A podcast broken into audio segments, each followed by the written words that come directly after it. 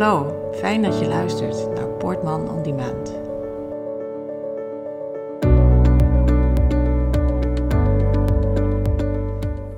En welkom meneer Rittersma in de uitzending van de podcast. Fijn dat u er bent. Wij ehm, hebben elkaar leren kennen in 2016. Toen bent u bij mij gekomen in verband met een hele forse medische kunstfout die er is begaan in het uh, oude UMCG, dat was nog het academisch ziekenhuis. Um, ik zie graag dat u daar iets over vertelt, want u bent in 1978 bent u geopereerd in dat ziekenhuis in verband met een uh, longaandoening. En na die operatie bleef u wat vreemde klachten houden, vooral pijnklachten. Vertelt u daar eens over? Um, ik ben geopereerd aan een uh, tumor achter mijn borstbeen. Uh, dat borstbeen is uh, gesloten na de operatie. En um, bij zo'n operatie uh, krijg je altijd enkele drains. Een van de longdrains is enkele dagen na de operatie um, ja, gaan opspelen. Daar kreeg ik last van. En toen hebben ze besloten dat die longdrain verwijderd moest worden.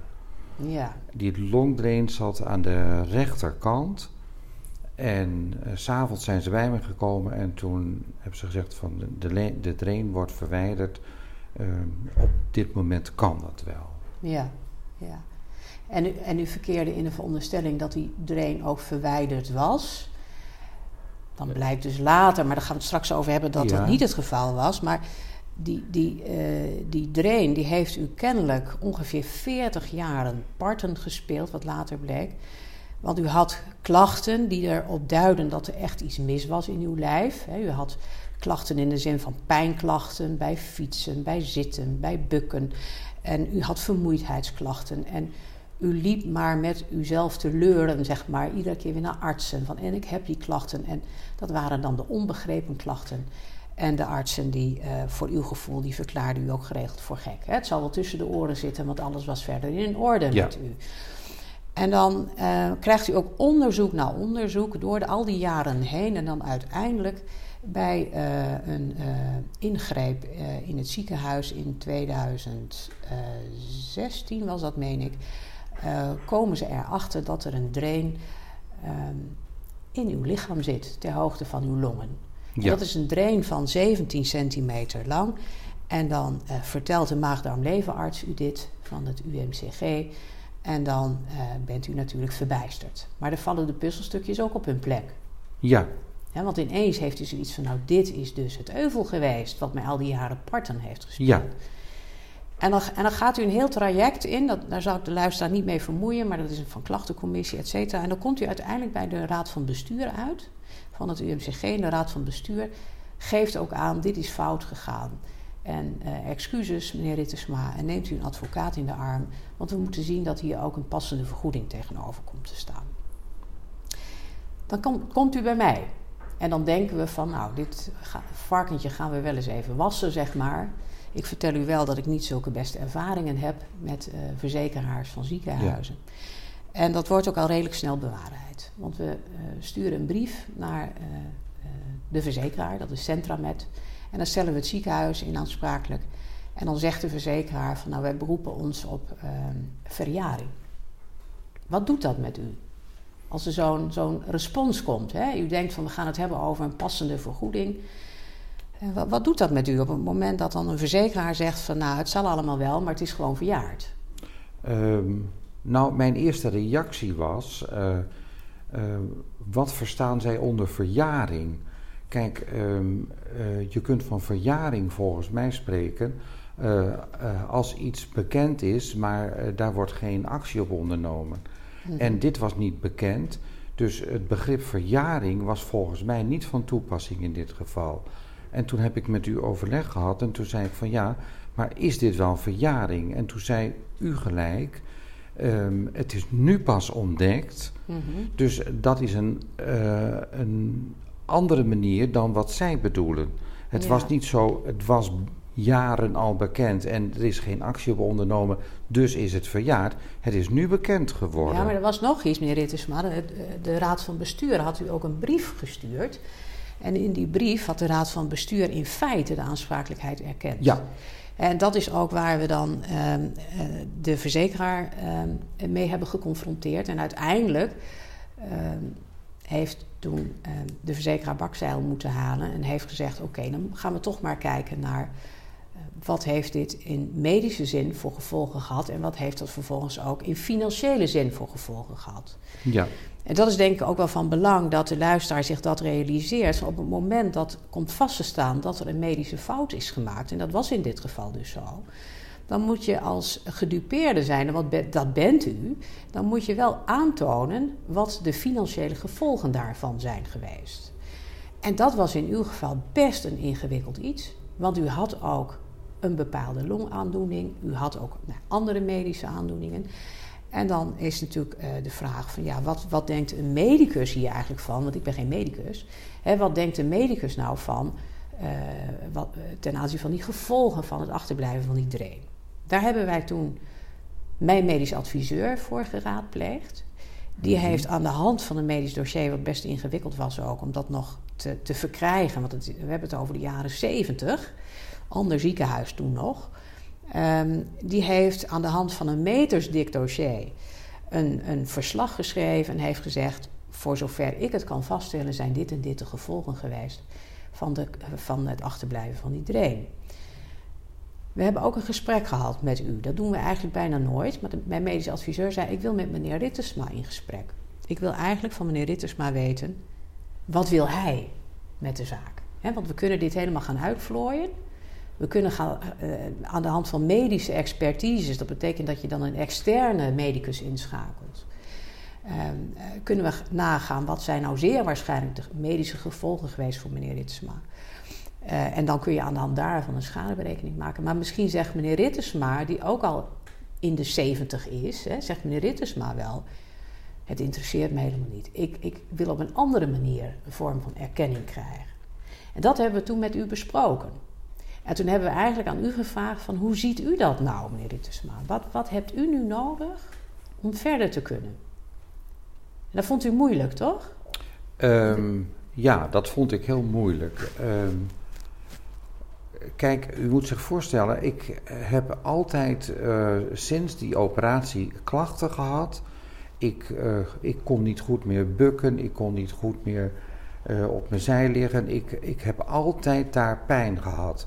En ik heb altijd gezegd, daar zit iets niet goed.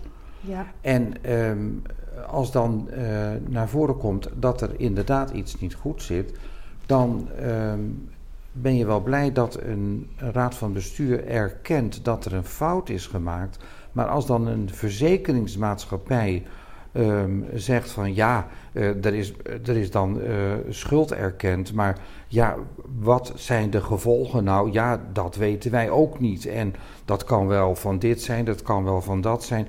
Dus zij proberen dat natuurlijk af te schuiven. Um, en daar zit natuurlijk achter, zij willen liever niet betalen. Maar het ging mij niet om het bedrag, het ging mij erom dat ze gewoon zouden erkennen en zeggen van ja, er staat een bedrag tegenover en daar moeten we het over eens worden. Ja. Maar ik had steeds het gevoel van, zij vonden dus de klacht uh, dubieus, mm -hmm. maar ook uh, een bedrag betalen. Nee, dat, uh, dat zat er eigenlijk niet in. Nee, want het bleek al redelijk snel toen we het hadden over een vergoeding. Toen gaf het ziekenhuis, of pardon, gaf de verzekeraar aan van nou, wij menen dat met een bedrag van 7500 euro, inclusief alle kosten die wij hadden gemaakt, hè, dus kosten voor mij, kosten voor mijn medisch adviseur, die waren er ook fors, dat daarmee de zaak wel is afgedaan. Nou, dat vond u eigenlijk een belediging. Mag ik dat zo verwoorden? Ja, dat vond ik echt een belediging. Ja, dat deed geen recht aan het nee. leed wat u is aangedaan nee. en dat geeft dus kennelijk niet die erkenning.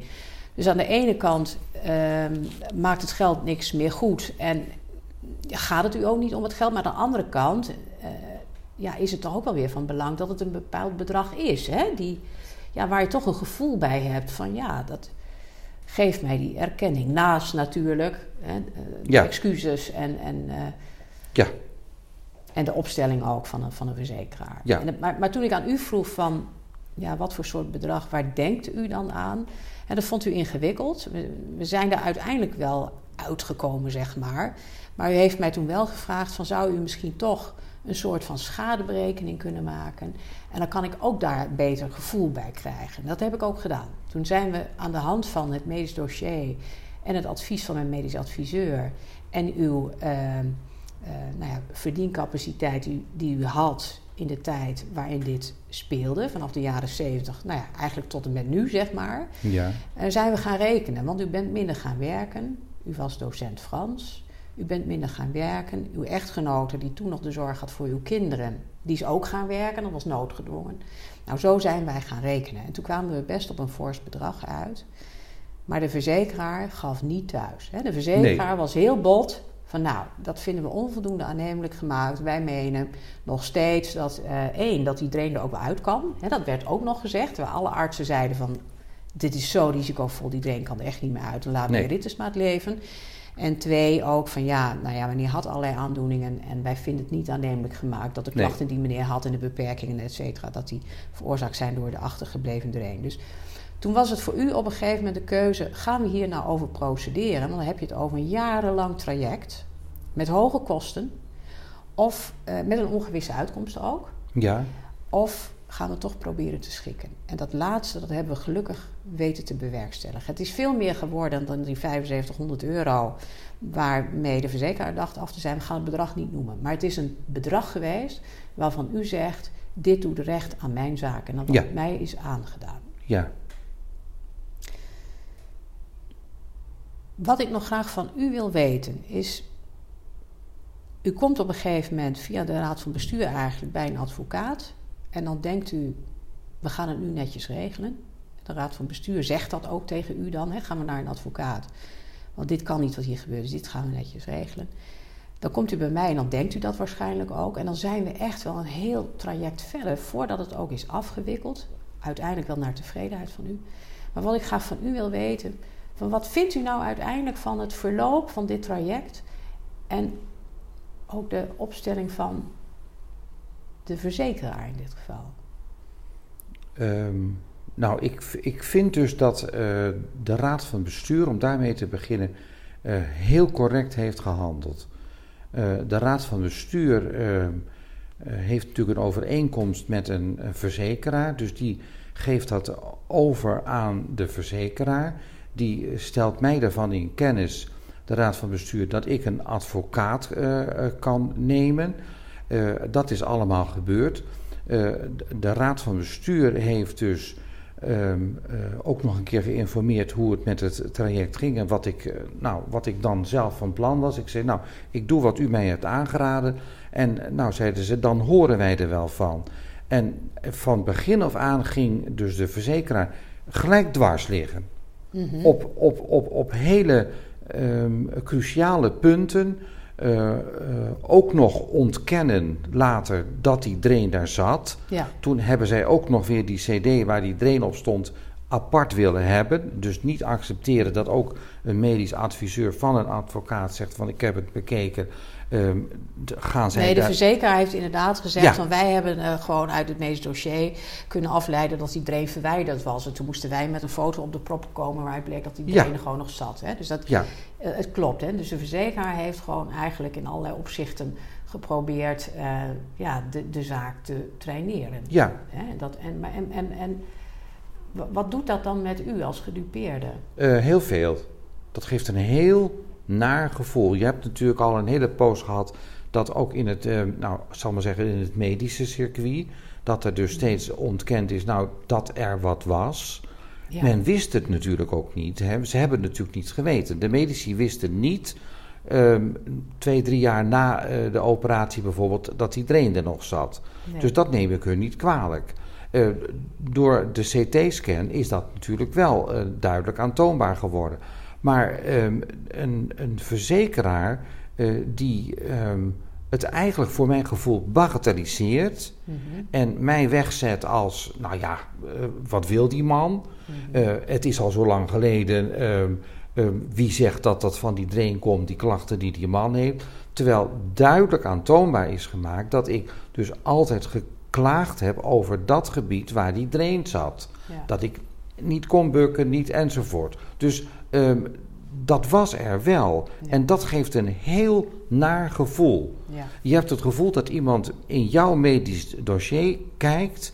Niet om zich op de hoogte te stellen van wat er gebeurd is, maar om zijn eigen gelijk te Ja. kunnen krijgen. En dat eigen gelijk was volgens mij: we betalen zo weinig mogelijk. Ehm, voor mijn gevoel, die man moet niet zeuren. Ja. En dat is, dat is zo frustrerend ja, snap ik. als een verzekeraar zo doet. Maar uiteindelijk heeft u er wel een goed gevoel aan overgehouden of blijft daar wat hangen? Ehm, nou, ik heb dus een goed gevoel overgehouden aan de manier waarop de advocaat, in dit geval u dus, en eh, de raad van bestuur, eh, de verzekeringsmensen eh, voor het blok heeft gezet. Er moet een oplossing komen. Hier moeten we uit kunnen komen. En dan snap ik wel dat je dus niet van het bedrag uitgaat, nou ja, wat een advocaat Mhm. voorstelt. Maar dat zij dus op een gegeven moment, dus misschien onder druk ook van de Raad van Bestuur, dat weet ik niet, dat zij dus gezegd hebben: nou ja, goed, dan gaan we wel akkoord. Ja, Dan betalen we wel. ja. En Ja. nou ja, dan, dan is dat het. ja. Dus eigenlijk dankzij de inmenging van de Raad van Bestuur en de juridische bijstand die u hebt gehad, is dit voor u tot een bevredigend Ja, resultaat anders was het nooit bevredigend afgelopen. Nooit. Nee, Want wij kwamen er niet uit. nee. Tot op het laatst hebben zij dat gewoon. Ja, oké. Nou, ik wil u bedanken, meneer Rittersma, voor dit gesprek. Ik wens u het allerbeste toe. Ja, dank u wel.